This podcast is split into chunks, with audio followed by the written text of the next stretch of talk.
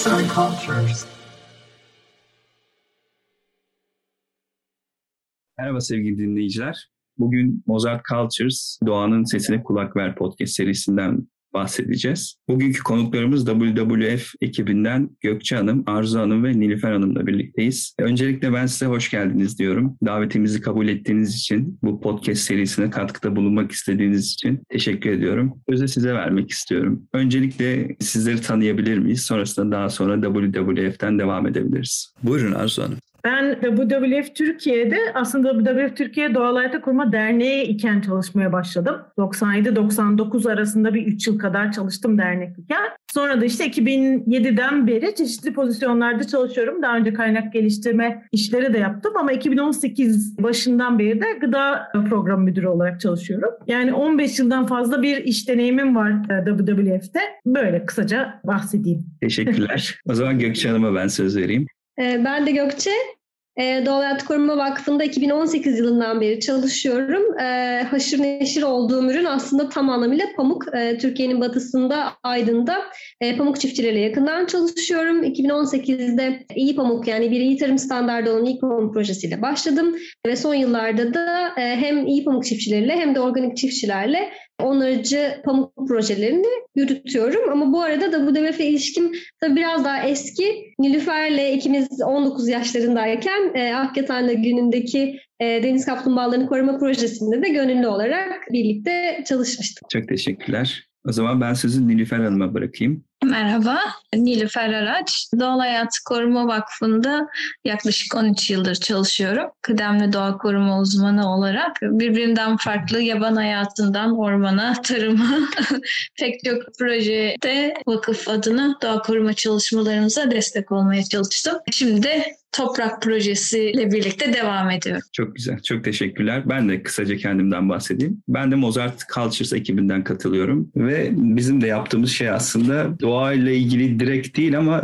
doğayla bağı olan şeyler yapıyoruz. İşte kültür, sanat, bilim, felsefe konularında. Aslında doğadaki gibi değişmeyen o bilgelik var ya, kültür, sanat ve felsefede de var o. Değişmeyen ve iyi ve güzel olan bilgileri bizim yaşıtlarımızla, bizim bizden büyüklerle ve bizden küçüklerle aslında paylaşmaya çalışıyoruz. Onu da şu anın sosyal medyası olan işte gereklilik neyse, önümüzdeki senelerde değişirse ona da ayak uydurarak elimizdeki icatlarla aktarmaya çalışıyoruz. Bizim de hem Türkiye hem de uluslararası bir topluluğumuz var. Bu topluluk gönüllülerden oluşuyor ve gençlerden oluşuyor aslında. Ee, ama Mozart Cultures'ın genel yeri Türkiye.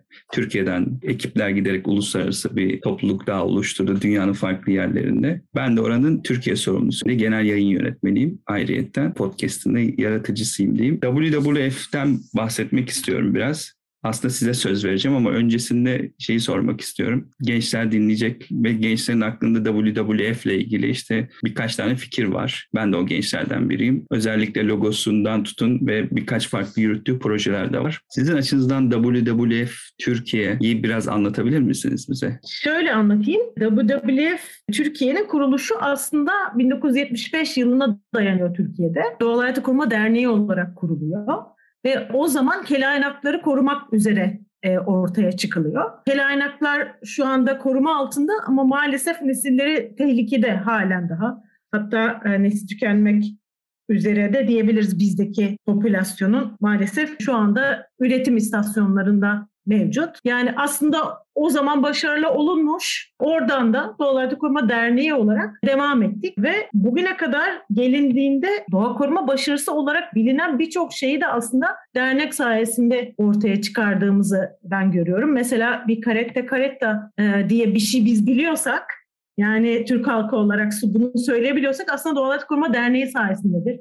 İşte soğanlı bitkiler, kardelenler vesaire bütün bu değerlerimizle ilgili çok çeşitli çalışmalar yaptı Doğal Hayat Koruma Derneği. Bunu ben bir kısmına da şahit olma e, şansı buldum. Doğal Hayat Koruma Derneği 1975'te kurulduktan sonra 96 yılında bir vakıf kurma süreci oluyor. Doğal Hayatı Koruma Vakfı. Ve 2001 yılında da Doğal Hayatı Koruma e, Vakfı WWF Türkiye ulusal organizasyonu olarak devam ediyor. Yani WWF ile her zaman çok yakın ilişki içerisindeydi Doğal Hayatı Koruma Derneği. Ama bir ulusal organizasyonu değildi resmi olarak.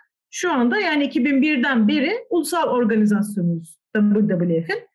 WWF'de bütün e, dünya çapında yüzden fazla ülkeden faaliyet gösteren dünyanın en büyük sivil toplum kuruluşlarından bir tanesi. Onun WWF'in biz Türkiye ayağıyız şu anda resmi olarak. Ama geçmişimiz 1975 yılına dayanıyor Türkiye'de. Yani çok köklü bir kurumuz ve hani ben kurumumu çok seviyorum. Hani birazcık e, övünmek gibi oluyor ama Türkiye'deki pek çok etkin doğa korumacının da yetiştiği yerdir burası. Yani işte bir Uygar Özesmi deniyorsa o da onun da yolu buradan geçti filan. Yani işte Buğday Derneği ne kuranların yolu da buradan geçti. Yani o yüzden şu anda Türkiye'de bir ekoloji hareketi varsa Doğal Koruma Derneği'nin de bunda payı büyük olduğunu düşünüyorum açıkçası. Kısaca böyle anlatabiliriz herhalde WWF. Teşekkürler. Bu arada övünmek dediniz. Bunun gibi bir kurumla övünmeyeceksek neyle övüneceğiz? Ben de kısaca öyle söyleyeyim. Araştırırken şunu da fark ettim. İnternette 40 yılı aşkın bir süreden beri devam ettiği bir şey var. Bir şablon yapmışlar. 40 yılda 40 proje diye. Aslında ben bunu bilmiyordum büyük ihtimal biraz daha araştırmak gerekiyor genel olarak, uluslararası olarak. 40 projelerin birkaç tanesinden bahsedebilir misiniz? Hem dinleyicilerimiz de biraz duymak isteyebilir belki. Keratte Karette gibi akılda kalıcı projelerden. Tabii işte o bahsettiğim yani deniz kaplumbağalarını koruma projesi aslında halen devam ediyor ama o zamanki başarısı şuydu. Dalyan'da İstuzu plajında bir otel tesisi inşaatı planlanıyordu ve oradaki yerel halkla birlikte ve yanılmıyorsam June Haimoff diye bir İngiliz kadındı. Değil mi Nilüfer? Evet. Öyle hatırlıyorum. Evet. Ee, June Hanım da bize çok destek vermişti. O İstuzu plajının şu anki haliyle korunması hani bizim başarılarımızdan bir tanesi. Ama elbette hani şunu da söylemek lazım. Bu doğa koruma başarıları hiçbir zaman tek başına alınmıyor. Yani mutlaka paydaşların bir araya geldiği, güçlerini birleştirdiği işler oluyor. Yani kamu kurumlarıyla, yerel halkla, yerel paydaşlarla birlikte çalışıp bu işleri yapıyorsunuz. Dolayısıyla başarı hepimizin başarısı aslında. Dolayısıyla o 40 yılda 40 başarı kitapçı bizim başarımız olduğu kadar aynı zamanda ekoloji hareketine gönül vermiş herkesin başarısı. Bir başarı bu deniz kaplumbağaları. Benim çocukluğumda sokakta bir ayı oynatma hikayesi vardı. Bilmiyorum karşılaştınız mı ama ben sokakta ayı oynatıldığını gördüm. Çocukken yaşadım. Çok da korkardım. Ama bu da çok feci bir şeymiş. Benim çocuk aklımla korktuğum şey. Gerçekten çok feci bir şeymiş. Yani o hayıların hangi şartlarda tutulduğu ve hani şey yapıldı malum. Ayı zaten vahşi bir hayvan yani. Hiçbir şekilde bir insanın elinde olmaması gereken bir hayvan. O uygulamanın durdurulması da bizim başarımız sayesinde oldu. Gene tekrar diyorum yani hani biz ve diğer gönül verenler, destekleyenler. Kekova'nın özel çevre koruma alanı olarak ilan edilmesinde e, de paydaşlarla yapmış olduğumuz yakın çalışmalar da sonucu ilan edildi. Küre Dağları ona keza yine öyle. Küre Dağları'nda çok uzun süre çalıştık. Özellikle pek çok platformda korunan alanların, doğal alanların korunması için farklı platformlarda daha fazla alanın korunması, doğal alanın korunması ve etkin yönetimi için farklı çalışmalar halen de yapıyoruz. Dernek zamanında yaptık, halen de devam ediyoruz bu çalışmaları. Evet, gene aklıma bir şey geldi onu da söyleyeyim. Mesela soğanlı bitkilerin doğadan toplanmayıp üretilmesi işi vardı. Gene o zamanlarda yaptığımız.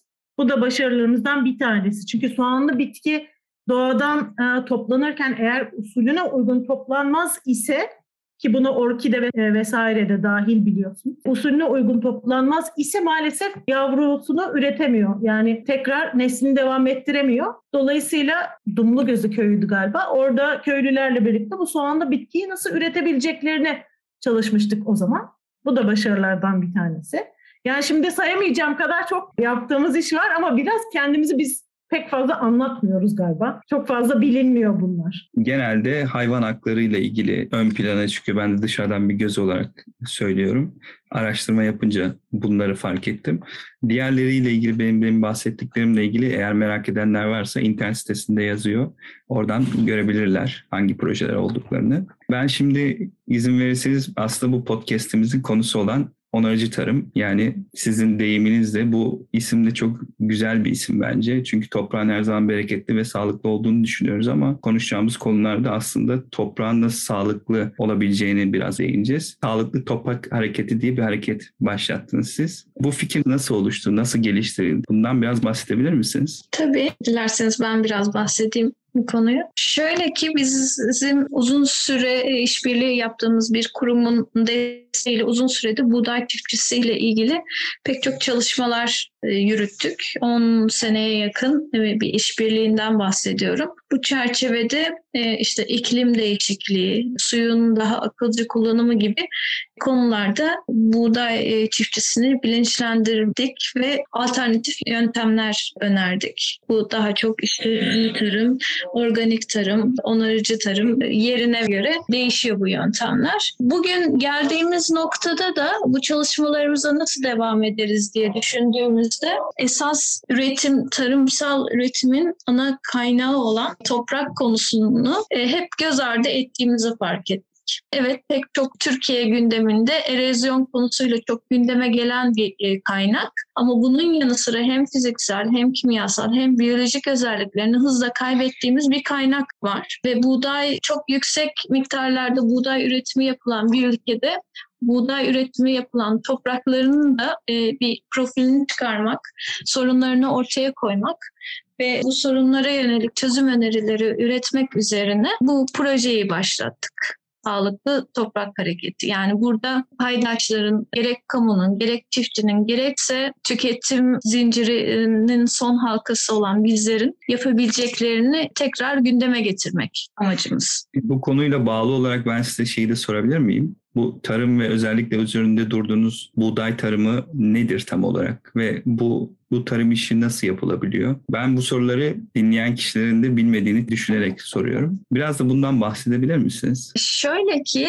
buğday üretimi Türkiye'nin çok fazla yüksek miktarlarda ürettiği bir ürün. Aynı zamanda buğdayın ana vatanı Türkiye. Yani ilk bu topraklarda ortaya çıkmış ve daha sonra kültüre alınarak pek çok ülkeye yayılmış bir bitki. Ve bizim gıda tüketimine baktığınızda da pek çok gıdamızın ham maddesi buğday buğday. Buğday tarımı nasıl yapılıyor? İşte yaz sonuna doğru ekimi yapılır. E sonrasında da birkaç ara bakımından sonra da hasat, yaz sonu hasadı yapılır. Burada sulu veya kuru tarımı da yapılabiliyor. Sulayarak yaptığınızda verim pek çok tarımsal üründe olduğu gibi sulamayla biraz daha verim artırılabiliyor. Ama buğday aynı zamanda kuru tarıma müsait olan bir ürün. Onun dışında söyleyebileceğim tabii buğday üretimi yap yapıp aynı zamanda sezon içerisinde ikinci ürün alma şansları da var. Dönüşümlü ürün ekimi de söz konusu olabiliyor. Başka benim unuttuğum, ekleyebileceğiniz bir şey var mı Arzu Gökçe? Yani bence de doğru söyledin. Hani buğday Türkiye için çok stratejik bir ürün. Çok da tükettiğimiz, sevdiğimiz bir ürün. Ve yani Nilüfer'in dediği gibi işte mercimek gibi, buğday gibi ürünler Anadolu'dan ortaya çıkmış Anadolu ve tabii Mezopotamya. Ve belki artık hepimiz de duymuşuzdur işte Kavılca, Gernik vesaire, Siyes gibi atılık buğday çeşitlerini de gene bu topraklardan ortaya çıkmış çeşitler bunlar. Buğday üretimi o yüzden Anadolu için çok önemli ve dediğim gibi bizim için stratejik bir ürün aslında. Çünkü aynı zamanda buğdayın e, sapından da saman yapılıyor. Saman da önemli bir tarımsal ürün biliyorsunuz. Hatta şu anda aranılan bir tarımsal ürün. Yani kısaca böyle özetleyebiliriz. Böyle anlatırken benim de zihnimde aslında bu projeyle birlikte yürüttüğünüz kurumlardan birinin logosu ve bu anlattığınız konuyla alakalı çok net bir şekilde topraklara ait olduğunu belirten reklam canlandı. Oradan küçüklüğümden beri duyduğum bir şeydi. Arka planda böyle olduğunu bilmek çok iyi oldu. Ben şeyi sormak istiyorum size. Ekonomiden bahsediyoruz. Koruyucu tarım deyince insanların aklına şey gelebiliyor. Pahalı, yöntemleri biraz normalinden biraz daha yüksek gibi gelebiliyor. Ona bağlı olarak şeyi öğrenmek istiyorum aslında aslında. Küresel iklim krizi, kentleşme, çiftçilerin durumu bu ülkedeki ekonomik durum olarak koruyucu tarımı nasıl etkiliyor? Şöyle, şimdi koruyucu tarım ya da organik tarım ya da onarıcı tarım şu anda yaptığımız tarımsal üretim şekli yani konvansiyonel üretim şekli artık sürdürülemez bir noktaya geldi. Hı hı. Neden? Birçok sebepten ötürü. Yani şuradan da anlayabilirsiniz. Bir adım geriye atıp WWF'ten bahsediyorduk ya. Şimdi evet. birdenbire WWF tarım çalışmaya başladı diyorlar. Neden WWF tarım çalışıyor? Yani tarım o kadar çok şey yani insanlığın gıda üretimi o kadar çok şey etki ediyor ki. Yani bizim senelerdir korumaya çalıştığımız diyelim Amazon ormanları ya da ormanlar bütün dünyada ormansızlaşmanın yüzde seksen sorumlusu tarımsal üretim. Yani bizim tükettiğimiz işte soyaydı, kakaoydu, palm yağıydı veyahut fındık ya da ne derseniz deyin. Yani tükettiğimiz her şey aslında ormansızlaşmadan sorumlu olabilir ya da hayvansal ürünler de olabilir. Amazon'da daha çok hayvan yemi yapılmak üzere soya. Tarımsal üretim WWF'in senelerdir korumaya çalıştığı ormanlara karşı bir tehdit. Yani ormansızlaşmayı ortaya çıkarıyor. E biyoçeşitliliğe bakarsanız yani bizim senelerdir korumaya çalıştığımız biyoçeşitlilik yanlış tarımsal üretim şekilleriyle tehdit ediliyor. Yani aşırı miktarda pestisit kullandığınızda siz zaten topraktaki canlılığı öldürüyorsunuz. Aynı zamanda diğer yaşayan canlıları da öldürüyorsunuz. Hatta tüketiciyi de ve tarım işçilerini, çiftçiye de zehirliyorsunuz. Yani bu biyoçeşitliliğe de e, maalesef etki ediyor. E işte toprağa aşırı gübre veriyorsunuz, sentetik gübre veriyorsunuz, toprağı kirletiyorsunuz, yeraltı sularını kirletiyorsunuz, nitrat kirliliği, azot kirliliği oluyor. O, o kirlenmiş sular yağmurla birlikte yeraltı sularına karışıyor, orada nitrat kirliliği yaratıyor. Yüzey akıntısıyla birlikte derelere, nehirlere karışıyor Oralarda ve oradan da tabii denizlere akıyor. Oralarda aşırı azot birikmesinden dolayı, aşırı besin birikmesinden dolayı ötrofikasyon dediğimiz bir şey oluyor. Bu da nedir? Hani toplu balık ölümleri görürüz ya. Hı hı. O balıklar niye ölüyor biliyor musunuz? Suyun içinde oksijen kalmadığı için. Çünkü balık suyun içindeki oksijeni kullanıyor. Nasıl oksijen kalmıyor suyun içinde? Suya siz çok fazla besin yüklerseniz ki bu aşırı gübrelemenin sonucunda gübredeki besin maddeleri yüzey akışlarıyla, yağışlarla, nehirlerle, denizlere ve nehirlere, göllere taşınıyor. Şimdi siz ne yaptınız? Büyük bir besin yükü yaptınız o su kütlesinde değil mi? İşte azot var, e, fosfor var, ne gönderdiyseniz. Oradaki besinle bir takım canlılar, algler, yosunlar yani bir sürü besin geldi aşırı büyüyorlar. Yani alg patlaması dediğimiz şey oluyor. Birdenbire aşırı büyüdüklerinde tabii hayatlarının sonuna gelince de birdenbire de ölüyorlar. Aşırı miktarda da ölüyorlar. Ve çürürlerken çürüyen bir maddede oksijen çekiyor ortamda. Çürürlerken de suyun içindeki oksijeni çekiyorlar. Dolayısıyla balıklara oksijen kalmıyor. Balıklar da ölüyor. Toplu ölüm gerçekleşiyor. Yani aslında tarım bu kadar bağlantılı doğa korumayla. Yani o toplu balık ölümlerinin nedeni bu ötrofikasyon meselesi. Gökçe bir şey söyleyecek burada. Yani şöyle iklim krizine bir de aslında karbon açısından bakmak lazım. Karbon ve diğer sera gazlarının atmosferde anormal miktarlarda bulunması zaten aslında iklim değişikliğine sebep olan unsurlardan bir tanesi. E, bu noktada tarım şöyle giriyor sahneye hem yanlış yöntemlerle zaten toprakta depolanması gereken karbonu e, atmosfere serbest bırakıyoruz. Atmosferde serbest alınır hale getiriyoruz ve kaybediyoruz. E, hem de yöntemleri değiştirdiğimiz durumda doğru yöntemlere geçtiğimizde ki bu yöntemler yani bugünden yarına bulunmuş şeyler de çok uzun yıllardır e, bir takım uzmanlar bunların üzerinde çalışıyorlar. Şimdi şimdi e, belki son 5-10 yıldır bir takım şeyler duyulmaya başlandı ama bunlar öncesinden denenmiş ve doğruluğu etkisi ispatlanmış çalışmalar. E, doğru yöntemlerle birlikte atmosferdeki karbonu toprakta yeniden depolamak mümkün. Burada da aslında çok temel bir mekanizma var. E, hepimizin e, daha çocuk yaşlarda öğrendiğimiz bir mekanizma adını çok duyuyoruz ama fotosentez bunun adı. Güneş enerjisinin etkisiyle atmosferdeki karbon bitki tarafından çekiliyor, köklerde depolanıyor ve Burada ama şöyle bir şey var yani fotosentez mekanizması yürürlükte ama burada bizim her zaman görmediğimiz hani şey derler bir çalışma vardır psikolojik çalışma galiba hani bir ağaç çizin dediklerinde herkes ağacın gövdesini çizer. Oysa aslında bir de orada kökleri vardır bu ağacın. E yani fotosentezde düşününce kökte neler olduğunu da düşünmek lazım. Eğer kökteki ekosistemde siz mikroorganizmaların yani bütün bu besin döngüsünü yürüten mikroorganizmaların varlığını sağlayamazsanız ki şu an e, güncelde konvansiyonel tarımda e, bu mikroorganizmaları resmen savaş açmış durumdayız. Bunların eğer varlığını orada sağlayamazsak o zaman fotosentez mekanizmasının en önemli ayağı olan o besin döngüsünün kökte gerçekleşen alışverişin bertaraf etmiş oluyoruz aslında. Dolayısıyla tarım hem bir şeylere sebep olan kötü e, tükaka diyebileceğimiz bir şeyken aynı zamanda sadece yaklaşım değişikliğiyle tüm bu süreçlerin yeniden yapılanmasına destek olabilecek kadar da güçlü bir şey. Çok teşekkürler. Şey örneğine çok bayıldım bu arada. E, resim çizerken ağacın sadece gövdesini çizmek çok güzel anlattınız. Yani aslında anlattığı şey şu Gökçe'nin. Ben işte tatlı su kaynaklarına bağladım, ormansızlaşmaya bağladım, biyoçeşitliliğe bağladım. Oradan denizlere de bağladım. Çünkü aynı besin fazlalığı denizlerde de ölü bölgeler yaratıyor oksijensizleşmeden dolayı. Ve yanlış tarımsal uygulamalar aynı zamanda maalesef iklim krizine de sebep oluyor. Yani iklim krizine de etki ediyor. Gökçe bunu anlatıyordu biraz önce ve aynı zamanda çözüm de tarımsal uygulamalarla bulunabiliyor iklim krizine. Bu toplantı öncesinde biliyorsunuz bu hafta COP26 var. Yani Uluslararası İklim Zirvesi, Birleşmiş Milletler'in iklim zirvesi. Toplantı öncesi ben bir toplantı dinliyordum orada. Tan Lal diye bir uluslararası uzman var. Onun anlattığına göre zaten hani bizim de bildiğimize göre e, topraklarda karbon depolamak ve karbon negatif tarım yapmak mümkün. Yani karbon negatif demek ne demek? Hani havadan karbonu çekip toprakta depolamak. Çünkü topraklar bizim bildiğimize göre ve şu anda artık genel olarak da biliniyor en büyük karbon depolarından bir tanesi dünyamızda. Yani dolayısıyla yanlış tarımsal uygulamalar iklim krizini maalesef alevlendiriyor ama doğru uygulamalar yaptığınız takdirde iklim krizine karşı bir önlem ve aynı zamanda uyum da sağlamış oluyorsunuz. Burada aslında tam sorunun cevabı olacak bir toparlama yapmak gerekirse şöyle diyebiliriz. Günümüzde yaşadığımız ekolojik krizin en büyük ana kaynağılardan bir tanesi tarım tarım sektörü ve az önce sorduğunuz gibi işte çiftçinin artık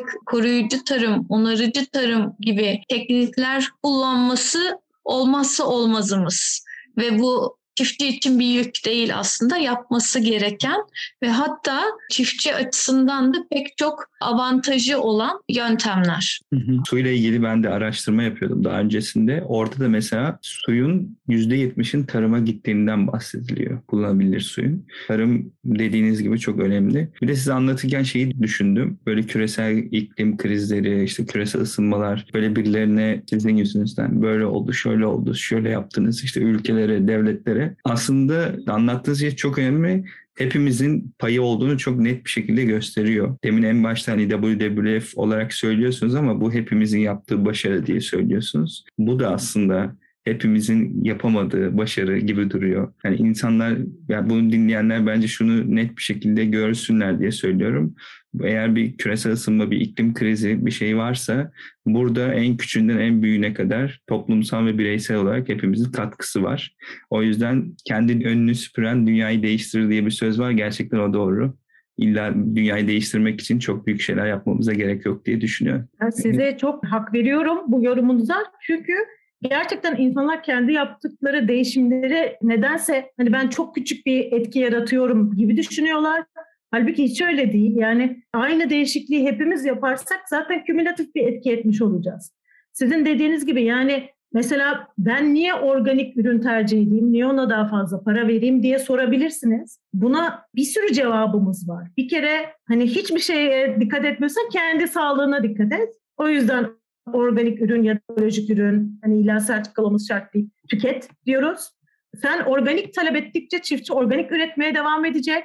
O zaman da bütün bu sorunlar yaşanmayacak ya da çok daha az yaşanacak diyebiliriz. E, yani kendi sağlığını korudun, çevre sağlığını korudun ama aynı zamanda hani pahalı diyorsun. Aynı zamanda doktora vermediğin bir parayı sen gıdaya veriyorsun. Öyle de bir şey var yani. Çok daha iyi besleniyorsun çünkü. Hem kirlenmemiş bir gıda hem de besin değeri daha yüksek gıdalar tüketiyorsun. Yani benim konuştuğum kişiler bir kurumsal sunumda konuştum. Kadın şöyle dedi bana, ben iki senedir organik besleniyorum kendim ve çocuklarım ve iki senedir hasta olmuyoruz dedi. Çok net biçimde. Daha önce çok hasta olan çocuklar iki senedir hasta olmuyor. Neden? Çünkü daha iyi besleniyorlar. Çok ilginç. Buna bağlı olarak ben şeyi sormak istiyorum. Araştırma yaparken gördüğüm bir şey. Toprağın sağlıklı veya sağlıksız olmasından bahsediyoruz. Ama bu konunun içerisinde ve dışarısında bir bilim var. Agroekoloji diye. Agroekolojiden biraz bahsedebilir misiniz? Benim de ilk defa duyduğum bir terim aslında bu. Agroekoloji şimdi onu şöyle anlatayım. Agro tarımsal üretimi ifade eden kısmı, ekoloji de bizim doğa ile olan ilişkimizi ifade eden kısmı.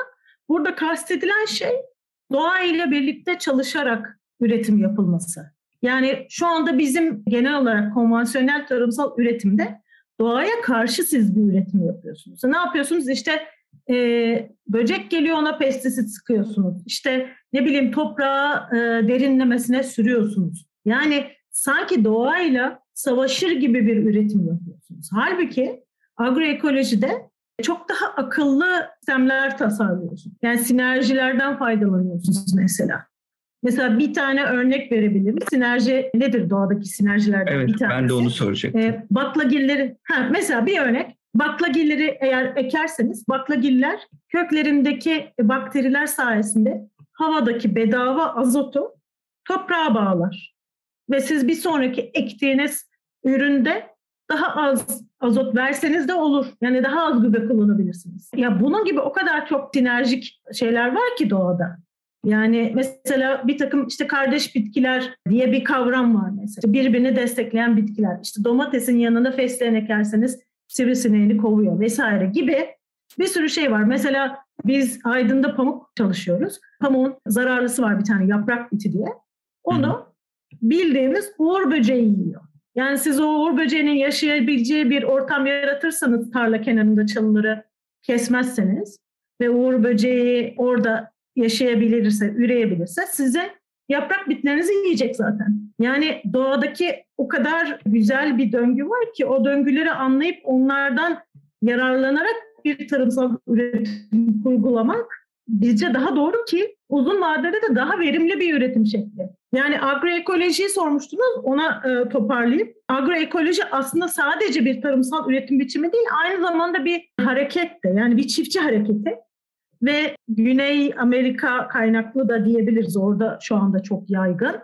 Lavia Campesina diye bir e, çiftçi oluşumunun başını çektiği bir hareket diyebiliriz. Ülkemizde çok fazla bilinmiyor ama yavaş yavaş da yayılıyor.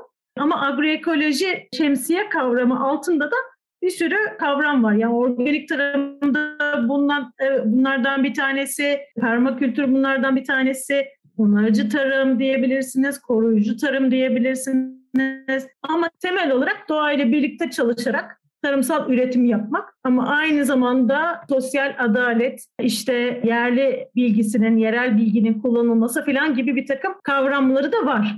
Toprağın sağlıklı ve sağlıksız olması aslında yani fiziksel olarak kendini gösteren bir şey bu. Yani kokusuyla, tekstürüyle, rengiyle, bitkiyle olan ilişkisiyle kendisini gösteren bir şey ama aynı zamanda hani mikroskopik düzeyde de bakıldığında kendisini gösteren bir şey. Sağlıklı bir toprakta yani 7 milyondan fazla canlının bir kaşık toprakta yaşadığını söyleyebiliriz aslında. Biz bunu gözümüzle görmüyoruz. Bunlar mikroskopik canlılar ama bakteriler ve mantarlar ve bunları tüketen onların avcıları olan işte nematodlar, protozoalar ve daha e, yine mikroskobik bacaklı, küçük bacaklı, eklem bacaklı canlılar gibi canlıların da bulunduğu bir ekosistem olduğunda o toprak aslında sağlıklı bir toprak oluyor. Hatta şöyle söyleyeyim, eğer sadece mantar, sadece bakteri varsa bu toprakta yine yetersiz. Çünkü bakteriler, mantarlar vücutlarında, hücre duvarlarında karbonu depolarlar. Bakteriler azot, fosfor, potasyum gibi diğer besin maddelerini depolarlar ve bunlar yenilmediği sürece avcıları tarafından yenilip metabolize edilip dışkılanmadığı sürece bu besin maddeleri açığa çıkmaz. Biz bu, bu sistemi kullanmadığımız için şu anda tarımda zaten dışarıdan işte azot gübresi yok, fosfor gübresi, potasyum gübresi gibi girdilere büyük oranda ihtiyaç duyuluyor. Çünkü biz canlı organizmaların yürüttüğü o besin döngüsünü e, oluşturacak ekosistemi yaratmadığımız için girdi ağırlıklı bir tarıma mahkum kalmış durumdayız e, şu anda. İşte sağlıklı bir toprakta bu e, mekanizmalar çalışır. Burada müthiş bir beslenme ağı ilişkisi vardır. Organizmalarla doludur. Orası canlı bir ekosistemdir. Mineraller, organik maddeler, su ve hava bileşenleri açısından son derece dengelidir.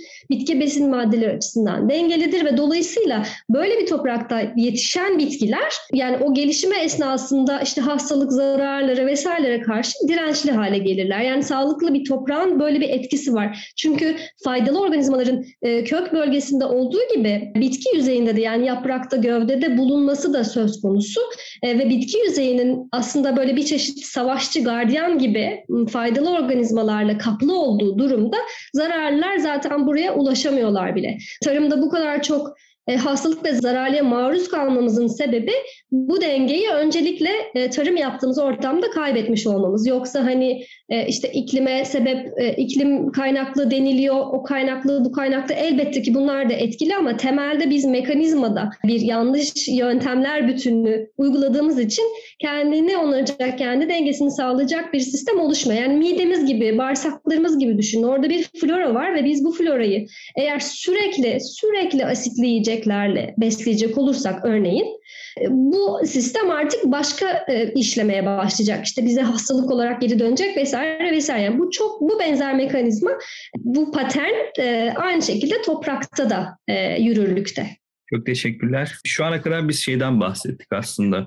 İnsanın isteyerek ya da istemeyerek toprağa zarar verdiğinden bahsettik ve bunun ekosistem olarak doğanın kendi kendine yenilebilir olduğundan bahsettik. Ben tam tersi bir soru sormak istiyorum size. Rüzgarlar, işte yağışlar, başka doğal afetlerde kaybettiğimiz toprakları biz tekrar canlandırabilir miyiz? Doğa kendisine zarar vermez ama zarar vermiş gibi gözüken kısımlarda İnsan buna müdahale ederek tekrar canlandırabilir mi? Aslında bunu sormak istiyorum. Yani benim durduğum yerden kesinlikle evet. Zaten aslında yani biz de bu devletteki tarım projelerinde özellikle e, biraz durduğumuz yer böyle bir yer. Yani burada bir hata var. Burada bir işte gerek rüzgarla gerek yağışla gerek yanlış yöntemlerde kaybedilen topraklar var. Biz bunların geri döndürülmesi için, bunların iyileştirilmesi, onarılması için bir şeyler yapabiliriz. Bu bir öncelikle bir ekosistem anlayışı gerektiriyor. Daha bütüncül bakmayı gerektiriyor. Sadece verim odaklı, sadece çıktı odaklı yaklaşımdan uzaklaşmayı gerektiriyor.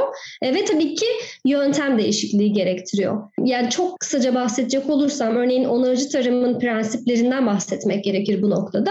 Yani doğada herhangi bir yerde kendi başına çok fazla insan müdahalesi olmayan bir yer kalmadı belki ama hani gelişmiş bir orman ekosistemini düşünün.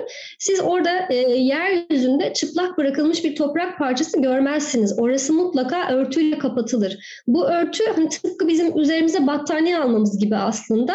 Hem rüzgar hem de yağmurun o e, yağmur damlalarının toprakta bomba etkisi yarattığı bir durum söz konusu. E, bu da erozyonu hızlandıran bir şey. Bu gibi etkileri daha böyle bir ara katmanla yani bir vejetasyon katmanıyla sakinleştirmek, yavaşlatmak, altta yatan toprağı ve o toprağın içerisindeki organizmaları bu aşırı etkilere karşı korumakla yükümlü bu bitkiler. İşte biz onarıcı tarım ıı, prensiplerinden bir tanesi olarak bu yöntemi benimsedik mesela. Kışın, yazın ana ürün hangi dönemde ekiliyorsa ekilsin. Geri kalan dönemde ve hatta ana ürün ekilirken dahi yüzeyde arazide çıplak toprak bırakmamak. Onun dışında mesela işleme mekanizması yani çok uzun yıllardır toprak işlemeye maruz kalıyor bütün topraklarımız ve işlenmiş her toprak şöyle söyleyeyim bitkilerin bir ardıllık seviyesi var. Yani bitkiler işte ilk illikenler şunlar bunlardan hani koskoca dev ağaçlara kadar işte arada böyle öncesinde otlar, sebzeler, çalılar gibi bir ardıllık seviyesi var. Ve bu ardıllık seviyesi bunlarla simbiyoz olan mikroorganizmalarla eşitleniyor. Yani mesela çok gelişmiş bir ormanda mantar ağırlıklı bir e, ekosistem vardır kök bölgesinde. Çok işlenmiş bir toprakta bakteri ağırlıklı bir ekosistem vardır. Dolayısıyla sizin orada bakterilerinizin çok olması orada sadece bakteriyle yaşayabilecek olan canlıların var olması anlamına geliyor.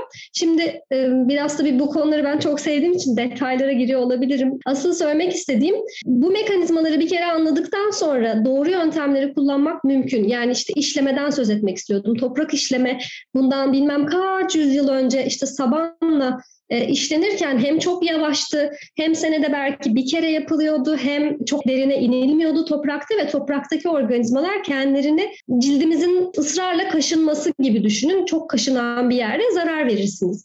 E, bu müdahaleler sek seyrek olduğunda, çok derin olmadığında, şiddetli olmadığında toprağın bunu toparlaması, idare etmesi mümkün oluyor ama e, özellikle teknolojiyle vesaireyle sanayi devriminden sonra geldiğimiz noktada işleme o kadar iyi geldi ki çiftçilere Hani hemen pamuk gibi toprak yapmak, 50 santim derinliklerden toprağı alt üst etmek falan.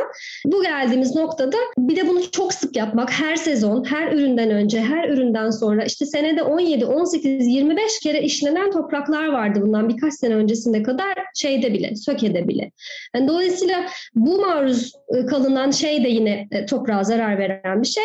İşte bunu bir kere öğrendikten sonra bunu işlemeden nasıl yapabiliriz ve bunu zamana yayarak verimi doğrudan hedef almayarak almayarak ama uzun vadeli etkisini hedef alarak bu sistemi yeniden nasıl düzenleyebiliriz gibi yaklaşımlarla evet yani sonuç olarak rüzgarla ve yağışla kaybettiğimiz toprakları tekrar canlandırmak mümkün.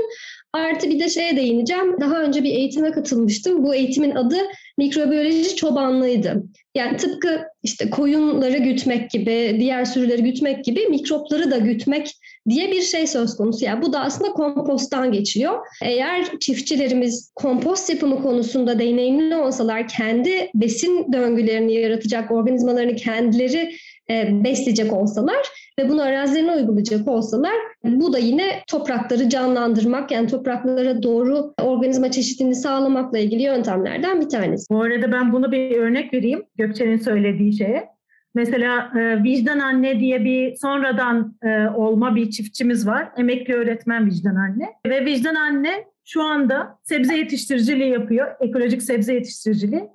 Ve komposttan elde edilen etkin mikroorganizma denen bir su var. Su diyelim ya da bir çözelti diyelim. Bunu kullanarak, etkin mikroorganizmayı kullanarak bitkilerini hem besliyor hem de zararlardan koruyor. Yani aslında bu şu anda bazı çiftçiler tarafından Türkiye'de de uygulanan bir yöntem.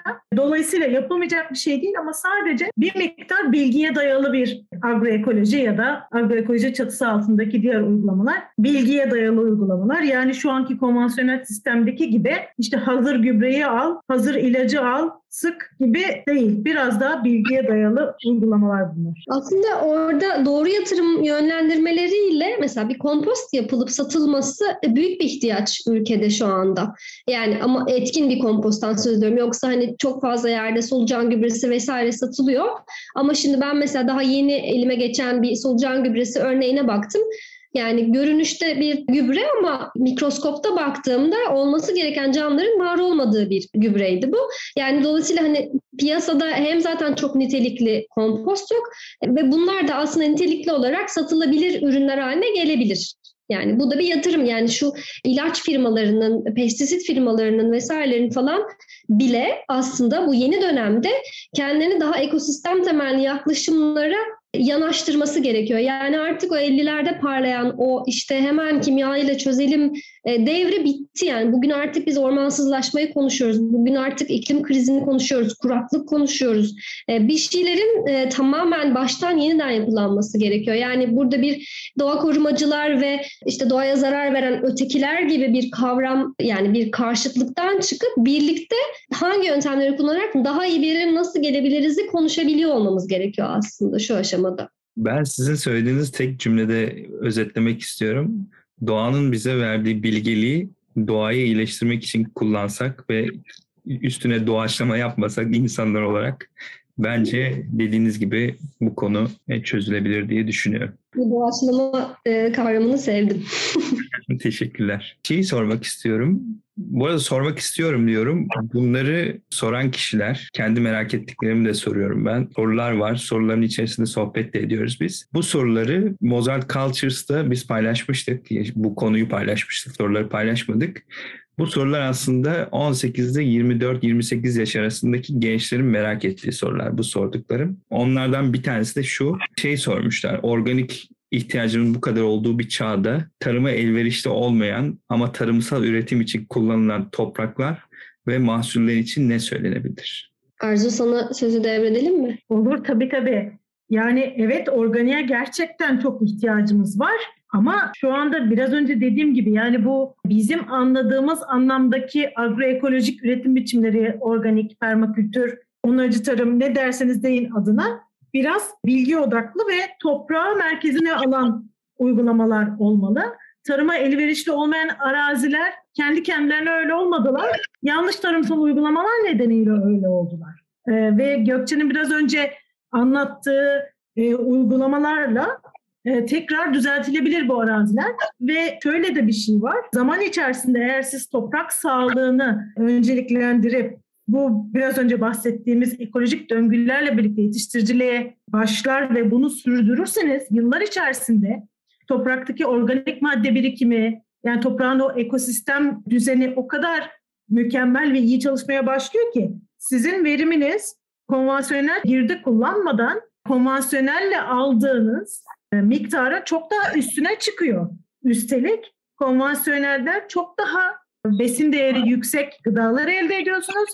Üstelik konvansiyoneldeki gibi kalıntı olmayan ki şu anda biliyorsunuz pestisitlerin yani tarım zehirlerinin her birinin ayrı bir kalıntı alt limiti var. Ama bir e, toplu bir kalıntı limiti diye bir şey yok. Öyle bir çalışma yok çünkü. Elmaya 8 ayrı ilaç sıkılıyorsa 8 ayrı defada bunların hepsinin birlikte neye yol açacağını maalesef bilmiyoruz. Dolayısıyla siz organik ürün tükettiğinizde ya da illa organik demiyorum çünkü sadece sertifikalı anlaşılsın da istemiyorum çünkü sertifika almadan ekolojik üretim yapan çiftçilerimiz de var. Ekolojik olarak üretilmiş ürünler tükettiğinizde biraz önce de bahsettiğim gibi hem temiz gıda tüketiyorsunuz hem de besin değeri daha yüksek gıda tüketiyorsunuz. Hem sağlığınızı koruyorsunuz, daha iyi bir sağlığa sahip oluyorsunuz, daha iyi bünyeye, bağışıklığa sahip oluyorsunuz. Hem de doğayı desteklemiş oluyorsunuz hem de çiftçinizi desteklemiş oluyorsunuz. Yani o kadar kazan kazan bir durum ki bunu yapmamak için çılgın olmak lazım. Daha ne olsun değil mi? Ben de bir ekleme yapmak istiyorum e, bu soruyla ilgili olarak. Yani şimdi evet dünyada hep şeyden konuşuluyor. Gıda ihtiyacının ne kadar fazla olduğundan konuşuluyor ama gıdanın hani etik paylaşımından da konuşmak gerekiyor bir taraftan. Yani gerçekten bir tarafta çok ciddi bir gıda atığı sistemi varken bir tarafta da gıdaya erişemeyen insanlar topluluğu var. Birincisi bu buna bir dikkat çekmek istedim. İkincisi de e, başlarda işte Amazon ormanlarının tarımsal faaliyetler için açılmasından söz edilmiştik. Ormansızlaşmadan söz etmiştik aslında. Yani tarım e, yine bugüne kadar bildiğimiz anlamıyla böyle kilometrelerce alanlarda tek tip ürünün sıra sıra yetiştirilmesinden ibaret de olmak zorunda değil. Yani bugün e, tarımsal ormancılık ya da permakültürde çok bahsedilen gıda ormanı gibi yaklaşımlarla katmanlı üretim de mümkün. Yani siz birim alanda yüzeyde yayılmış olarak tek tip ürünü çalamak yerine birim alanda katmanlar olarak yani yerden gökyüzüne doğru katmanlar olarak bu ilişki ağını kurabilirseniz eğer ki bunu yapanlar da var bu ülkede. Böyle bir sistemde hem kendinize orada yani ormansı bir ekosistem yaratmış oluyorsunuz. Yani bir kök diğerini destekliyor, ötekisinin e, zararlısı ötekisinin faydalısı tarafından avlanıyor vesaire vesaire. Dolayısıyla hani orada bir birliktelik, bir birlik yaratmış oluyorsunuz. Yani tarıma böyle bakmak da mümkün. Sadece şey değil böyle çok geniş alanlara ihtiyacımız var ve çok fazla üretim ihtiyacımız var diyerek bu işin içerisinden sıyrılmamalıyız bence. Teşekkürler. Nilüfer sen de bir şeyler eklemek istiyorsun sanırım. Bir başka boyutu da planlamaların eksikliği. Türkiye'de pek çok birinci sınıf tarım toprağı ne yazık ki farklı amaçlarla kullanılırken tarım toprağı niteliği daha düşük olan alanlarda da gübre ve ilaç takviyesiyle verimi kurmaya çalıştık. Bunun da çok etkisi var tabii bugünkü yaşadığımız sorunların vahametinin artışını. Teşekkürler Nilüfer Hanım. WWF'i araştırırken Eskişehir'le ilgili bir video gördüm. Orada çiftçiler konuşuyorlardı. Çiftçileri dinlerken o aslında çiftçilere biraz odaklanmıştım. Söylediklerine çok dikkat ettim ama çiftçilerin yüzlerindeki mutluluğu görünce aslında o Eskişehir'deki o pilot uygulamayla ilgili, projeyle ilgili orada bir dakikalık bir video var. Altında da metinler falan var yazıyor hani ne oldu ama birinci ağızdan sizden duymayı isteriz aslında. Biz orada neler yaşandı, o çiftçileri mutlu eden şey nedir arka planda? Ee, şöyle anlatayım. Bizim e, Sağlıklı Toprak Hareketi projemiz kapsamında Türkiye'de de ufak ufak uygulanmaya başlayan, tüm dünyada da oldukça yaygın olarak kullanılan toprak işlemesiz tarım yöntemini yaygınlaştırmak istediğimiz için ilk e, pilot alanımızı Eskişehir olarak belirledik. Burada işlemesiz tarımın e, pek çok avantajı var. Tabii ki esas ana ulaşmak istediğimiz nokta toprağın verimliliğini, sağlığını geri getirmek, verimliliğini arttırmak ve az önce Gökçe'nin anlattığı o sağlıklı toprak döngüsünün iyi bir şekilde devamlılığını sağlamak. Orada pilot iki çiftçimizle tarlalarında pilot çalışmalar gerçekleştirdik.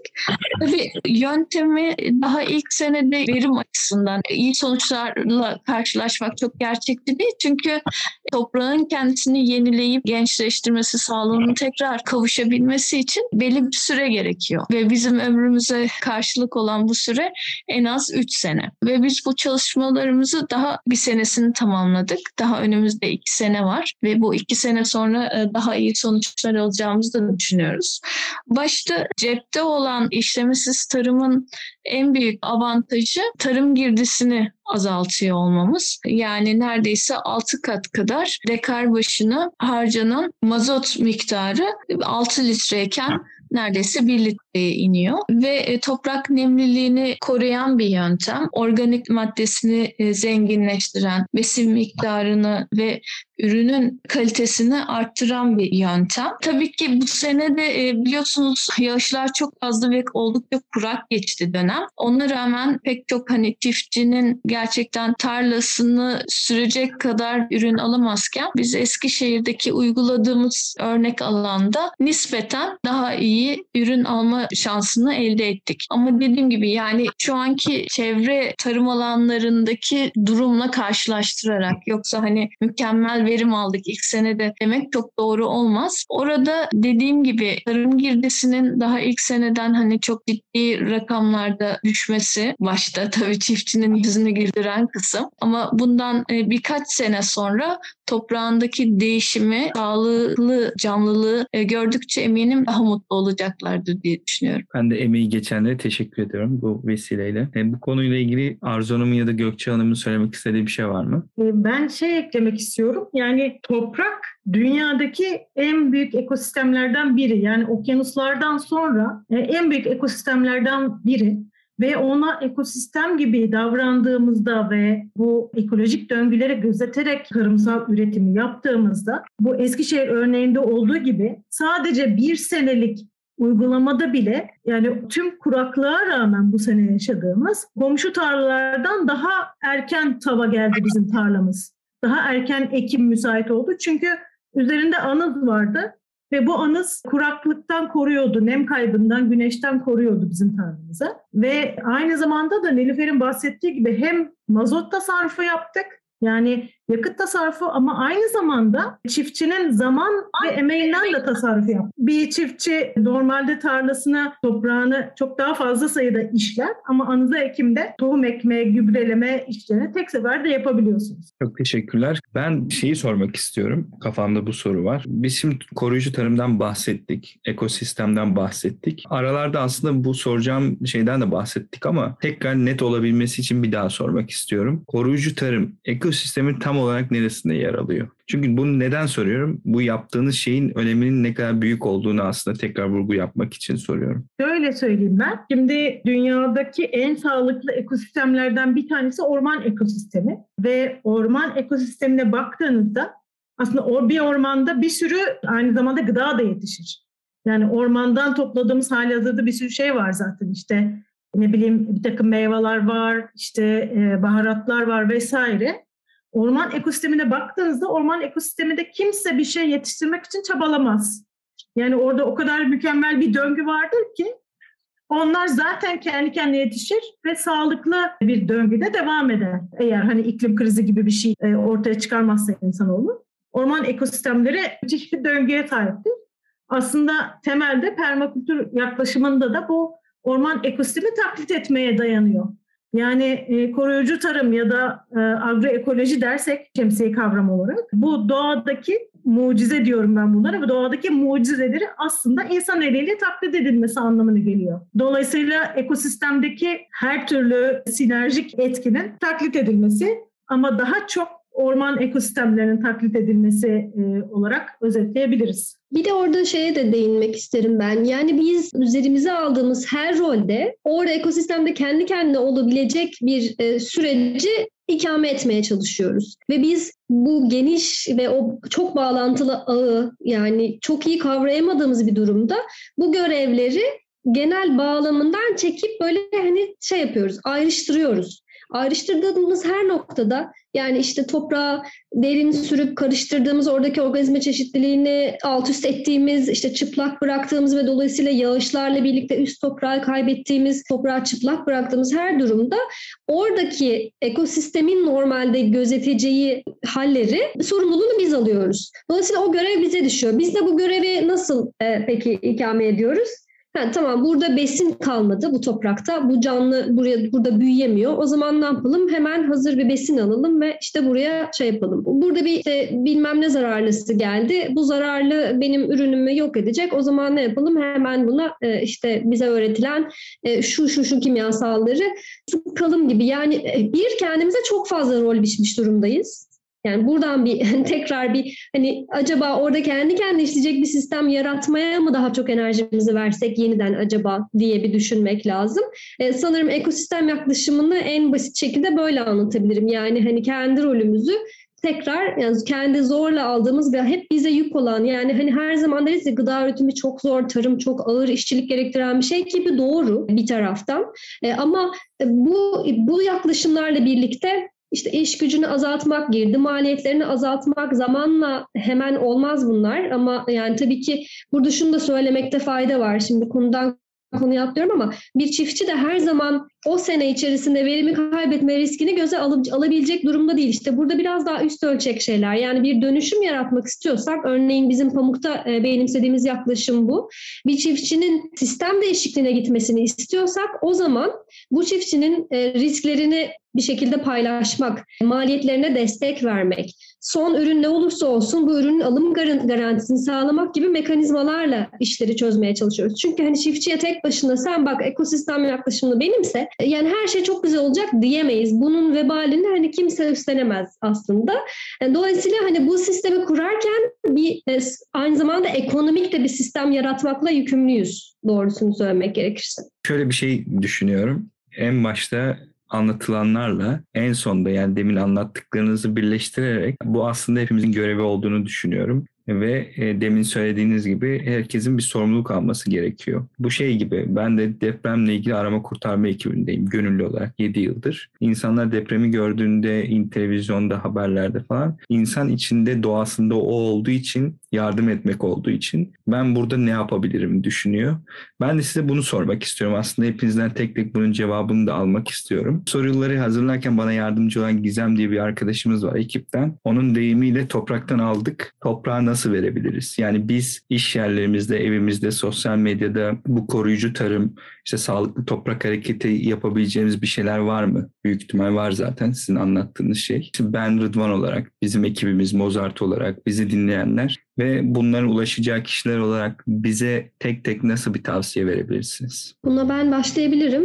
Yani ilk önerim aslında üreticilerle doğrudan iletişime geçmek olur. Yani çünkü e, şimdi sonradan çiftçilik de e, biliyorsunuz aslında bayağı yaygınlaştı. Yani işte emekli olup hani tarağı bırakıp işte bu benim, benim de yaptığım bir şey oldu zamanında. Kurumsal hayattan çekilip bir çiftlikte e, 4 yılı aşkın bir sürede yaşadım ve tarımla uğraştım aslında. Yani bir böyle bir model var zaten. Bir de yani biz işte şehirdeki seçtiğimiz o hayatları yaşarken işte başka işlerle uğraşırken bir yandan gıdamıza da dikkat etmeye çalışırken e, üreticilerle iletişime geçmemiz aslında oldukça önemli. Şimdi gıda topluluklarını duymuşsunuzdur belki. Bunlar sadece sertifikalı üretim peşinde de olmayan e, çiftçiyle doğrudan iletişime, iletişime geçip onun hani nasıl ürettiğini yakından izleyen, çiftçiyle birebir iletişim kuran e, mekanizmalar bunlar.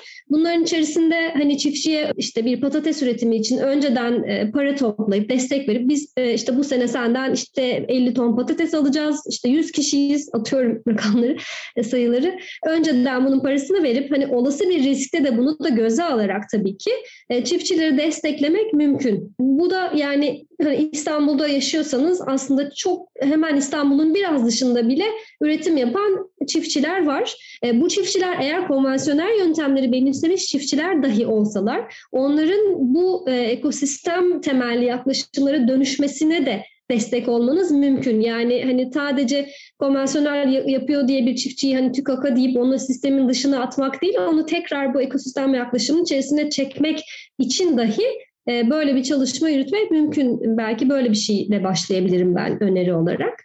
Teşekkürler Nilüfer Hanım. Belki bizi dinleyen genç arkadaşların bazıları e, geleceğin eğitimcileri olabilir. Bu noktada doğayla olan bağlantımızı tekrar yeniden yapılandırmak, çocuklara özellikle toprağı anlatmak, toprağın içerisindeki o zengin biyolojik çeşitliliği anlatmak da bence güzel bir başlangıç olabilir. Değerini anlamak, sofrasına geldiği ürünün, e, yiyeceğin, gıdanın aslında nereden geldiğini bilmek ve ne emeklerle e, bu sofraya geldiğini bilmek belki yani tükettiği gıdayla kurduğu bağlantıyı yeniden yapılandırmış oluruz diye düşünüyorum. Teşekkürler. Ben de sizin dediğinize çok katılıyorum. Benim yaşıtım kuşağı yetmiyor ama o kuşağın içinden geçen biri olarak ve onlarla iletişim kuran biri olarak gerçekten o kuşağın bir şeyleri değiştirebileceğine inanan biriyim. Daha önce yaptığımız bir seri vardı. O kuşakla ilgili bir, ne anlatmak istersiniz diye bir seri yapmıştık pandemide. 10 konu vardı. 10 konudan 9'u ekolojiyle ilgiliydi. O yüzden o arkadaşlarımızın, kardeşlerimizin bence bir şeyler yapabileceğine ben de inanıyorum. Teşekkürler bu arada e, tavsiyeniz için. Arzu Hanım buyurun. Ben de şey eklemek istiyorum. Şimdi gıda sistemleri e, aslında e, sistem adı üstünde. Yani sadece tarımsal üretim bir düşündüğünüzde bile bir sistemin parçasısınız. Yani bu hani silolaşma deniyor ya böyle silolaşma şeklinde düşünmemek lazım. Gıda üretimi de koskocaman bir sistemin parçası. Yani bir çiftçi bunu üretiyor. Arada işte aracılar var, markete geliyor. Onu siz alıyorsunuz, eve götürüyorsunuz. Arada işte gıda atık ve kayıpları oluyor. Onu tüketiyorsunuz vesaire gibi böyle koskocaman bir sistem. Ve sistem düşüncesiyle bakıldığında e, mesela üretim aşamasında Gökçe'nin de dediği gibi gıda toplulukları güzel bir başlangıç olur. Topluluk destekli tarım güzel bir başlangıç olur. Yani buna bir örnek vereyim ben mesela. Ben e, bu sene ekolojik kiraz üreticisi bir çiftçiyi destekledim. Yani önden sadece 200 lira para verdim ve e, nihayetinde bana e, 20 kilo ekolojik kiraz geldi. Arkadaşlarımla, komşularımla paylaştım bunu gibi. Yani siz e, hem hak ettiği parayı çiftçiye doğrudan veriyorsunuz bu şekilde hem de ona ekolojik üretim yaptığı için destekliyorsunuz ama aynı zamanda da ekolojik bir ürünü piyasa fiyatından da daha uygun fiyata alıyorsunuz. Çünkü aradaki aracılar kalkmış oluyor. Arkadaşlarımızın çok rahat yapabileceği bir şey. Gıda tüketim kooperatifleri var. İstanbul'da çok sayıda var ama Türkiye'de de pek çok yerde açılıyor. Bu tarz girişimleri yakınlarında yoksa kendileri böyle bir girişim yapabilirler. Gıda topluluğu oluşturabilirler. Yani bu konuda yapacak çok fazla şey var. Bizim içinde bulunduğumuz bir oluşum var Zehirsiz Sofralar diye. Hı hı. Bu zehirsizsofralar.org web sitesine girip oradaki bilgileri yaygınlaştırabilirler. Yani orada çok fazla miktarda bilgi var. Yani tüm bu bilgilerin yaygınlaşması bile çok önemli. Sistem dedik, şimdi üretimden bahsettik. Ee, üretimden sonraki aşamalarda gıda kaybı olabiliyor. Yani istemsiz şekilde olabiliyor. Veya tüketici noktasında gıda atığı da oluşabiliyor. Yani bizim şimdi bu serpme kahvaltılar moda ya. Bizim işte masaya oturup tüketmediğimiz, sipariş edip de tüketmediğimiz her gıda aslında ekolojiye zarar, doğaya zarar, doğal kaynaklara zarar, ekonomiye zarar, her şeye zarar. Yani çünkü sizin e, yemediğiniz o bir parça peyniri üretmek için ciddi anlamda enerji, gübre, su, çiftçi emeği zamanı harcanıyor ve para harcanıyor. Dolayısıyla gıda atığının da çok ciddi bir maliyeti var, görünmeyen maliyetleri var. Buna ekonomide dışsallıklar da deniyor. Dolayısıyla gıda atık ve kaybıyla savaşmak da aslında bireylerin yapabileceği bir şey. Bir de gıda sistemi diyoruz ya, tüketim noktasında da e, Türkiye'deki beslenme şeklimiz, Akdeniz tarzı beslenme şekli aslında çok ekolojik bir beslenme şekli. Bugün vegan olanlar var, vejetaryen olanlar var ama bütün bunları yapamıyorsanız da Akdeniz tarzı beslenme şekli yani ülkemizde yaygın olarak uygulanan beslenme şekli aslında çok doğa dostu bir beslenme şekli. Yani hayvansal gıdanın az olduğu, daha işte balık ya da kanatlı gibi ya da e, ne bileyim e, yoğurt, yumurta filan gibi hayvansal proteinlerin olduğu ama daha çok sebze ve meyvenin tüketildiği, işte tahılların tüketildiği bir beslenme tarzı Akdeniz beslenmesi, işte zeytinyağının, zeytinin vesairenin tüketildiği. Bütün bunların da e, ekolojik ayak izi çok daha düşük bitkisel besinlerin. Dolayısıyla bitki bazlı beslenmek temelde gene bireylerin çok rahat yapabileceği şeylerden biri. Ama yani Türkiye'ye bakıldığında ben belki de en birinci önereceğim şey bu gıda topluluklarıdır ve gıda israfının azaltılmasıdır. Çünkü beslenme şeklimiz hala hazırda zaten hani çok fazla et tüketemediğimiz için ekonomik olarak e, aslında ekolojik olarak da daha doğru bir şey. Sağlığımız açısından da daha doğru. Yani bireylerin aslında yapabileceği çok fazla şey var. Arzu orada şeye değinmek lazım ama yani WWF Global'in de yaklaş, benimsediği bir yaklaşım olan hani plant based değil ama planet based e, e, bir beslenme yani gezegen dostu beslenme. Çünkü yani evet veganlık, vejetaryanlık bir noktada e, bu kriterlere uyuyor ama bazı coğrafyalarda hani sadece bitkiyle beslenmenize imkan yok. Dolayısıyla bunu hani tek başına bütün yine yine ekosistemden ayrıştırıp sanki olmazsa olmaz bir e, şeymiş gibi yaklaşmak yerine bulunduğunuz coğrafyayla uyumlu bir beslenme tarzını e, benimsemek ve bunu da yine e, tabii ki yine fazla tüketmeden, yine gıda atığı yaratmadan e, vesaire vesaire yani belli prensipler ışığında aslında tüketmek gerektiğini e, vurgu yaparsak sanırım mantıklı olacaktır. Evet çok doğru söyledin. Yani ben çok fazla detaya girmemek için onu e, girmemiştim ama çok doğru söylüyorsun. Mesela bunun ülkemizde uygulanan en kötü örneklerinden bir tanesi hani bitki bazlı olup ama doğa dostu olmayan, gezegen dostu olmayan bir beslenme şekli mesela tropik meyvelerin çok fazla tüketilmesi. Antalya bölgesinde şu anda duyduğum kadarıyla tropik meyve üretimi çok artmış. Ama tropik meyveler çok fazla nem isteyen meyveler ve bizim coğrafyamıza uygun değil. Bizim beslenme sistemimize uygun değil. Mesela bir avokado. Avokadosuz yaşayabilmeliyiz bence. Çünkü avokado üretimi şu anda Karadeniz'de çok fazla yapılıyor ama bizim coğrafyamıza uygun bir üretim şekli değil. Yani avokado yağı yerine zeytinyağı tercih edebilirsiniz mesela. Ee, yani bizim coğrafyamıza uygun beslenme şekilleri daha doğru. Bitki bazlı olsa da doğa dostu olmayabiliyor bazı besinler. Gökçe çok haklı. Aynı zamanda bütün dünyaya bakıldığında sadece vegan ve vejetaryen diyemiyoruz. Çok doğru söylüyor. Çünkü özellikle Afrika e, kıtasında, özellikle Sahra altı kısmında insanların daha iyi beslenebilmek için e, hayvansal ürüne ihtiyacı var. Yani orada da hayvansal ürün tüketiminin artması gerekiyor insan sağlığı açısından en azından yumurta, süt, peynir vesaire gibi. Yani bu anlamda WWF uluslararası bir kuruluş olduğu için sadece hepimiz vegan olalım ya da vejeteryan olalım demiyor. Gezegen dostu beslenme diyor. Çünkü hani şeyi de biliyorsunuz mesela ekvatordan gelen muz pek doğa dostu bir e, davranış biçimi değil. Yani her ne kadar bitki bazlı olsa da sonuçta o ekvatordan gelene kadar karbon emisyonu çok bir sürü e, işte pestisite maruz kalıyor, yolda olgunlaşıyor vesaire vesaire. Yani aslında yediğimiz şeyin biraz nasıl üretildiğini sorgulamak da e, gezegen dost beslenme biçimlerinden bir tanesi bireylerin de çok rahat yapabileceği şeylerden bir tanesi. Çok teşekkür ediyorum. Bir söz var. Onu paylaşayım ben de sizlerle. Diyor ki toprağın dostlara ihtiyacı vardır. Ona dostça davranalım. Aslında doğaya biraz daha yaklaştığımızda, doğadan bir şeylere ilham aldığımızda, Seneca da öyle diyor. Sanat doğanın taklit edilmesidir. Doğaya yaklaştığımız zaman, onun dilini anladığımız zaman aslında bu bahsettiğiniz bütün her şeyi gözlemleyerek yapma fırsatı buluyoruz. Biraz araştırmak gerekiyor sanırım. Bunları da sizin gibi değerli kurumları sayesinde öğreniyoruz. Ayrıca ben teşekkür ediyorum. Bir de biz şimdi bir araya geldik dört kişi ama arka planda bize destek veren bu röportajı yapmamızı olanak sağlayan bir ekip var. Bizim Mozart Cultures'tan özellikle Gizem arkadaşımız var. Sorularla ilgili bana yardımcı olduğu için. Ve WWF ekibinden Neyran Hanım özellikle ve Duygu Hanım'a ben teşekkür etmek istiyorum. Beni sizlerle buluşturdukları için. Kendime de şöyle bir not aldım en son söylediklerinizle ilgili. Şimdi biz gençler olarak, genç bir topluluk olarak 400-500 bin kişiye hitap edebiliyoruz.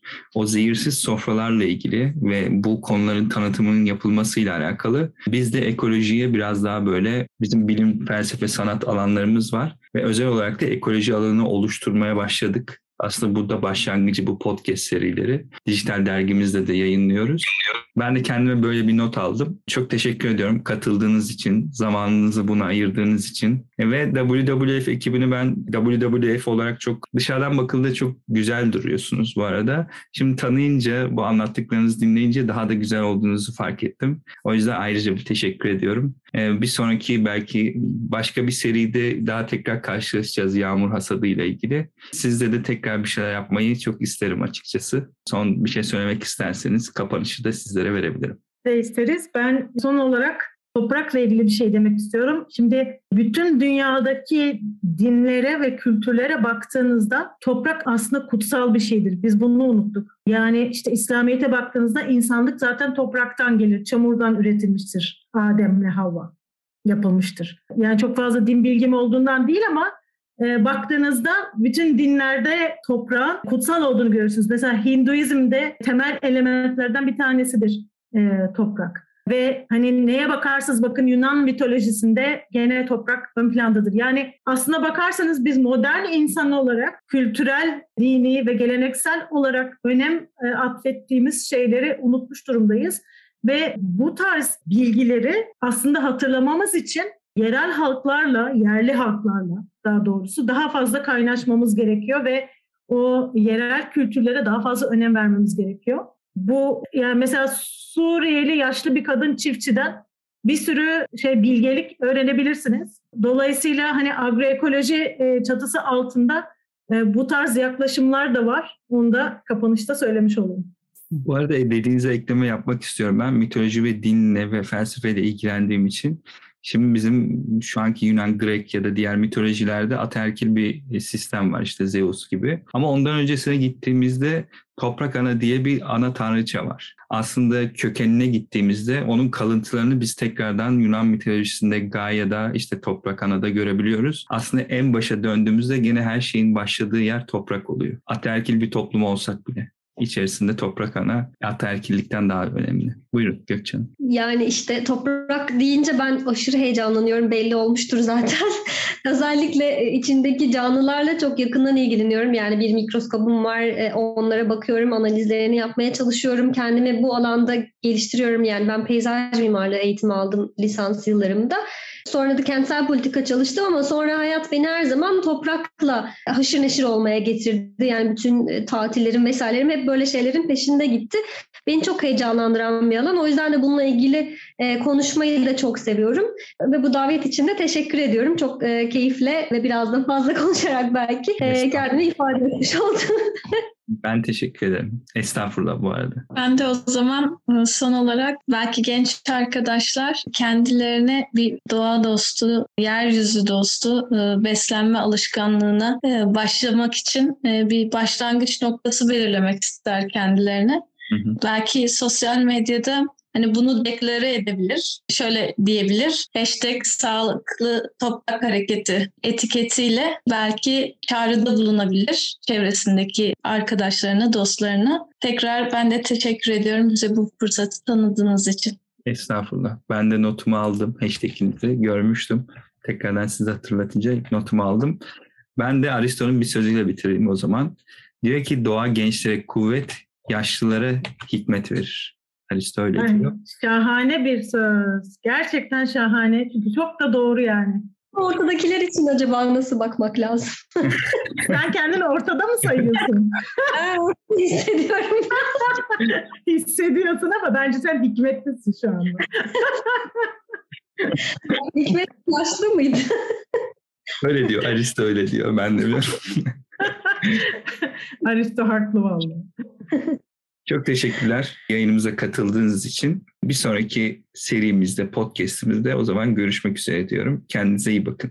Biz de çok teşekkür ederiz. Bizi de davet ettiğiniz, ağırladığınız için. Estağfurullah. Ne demek. Büyük bir zevkle. Sağlıklı günler.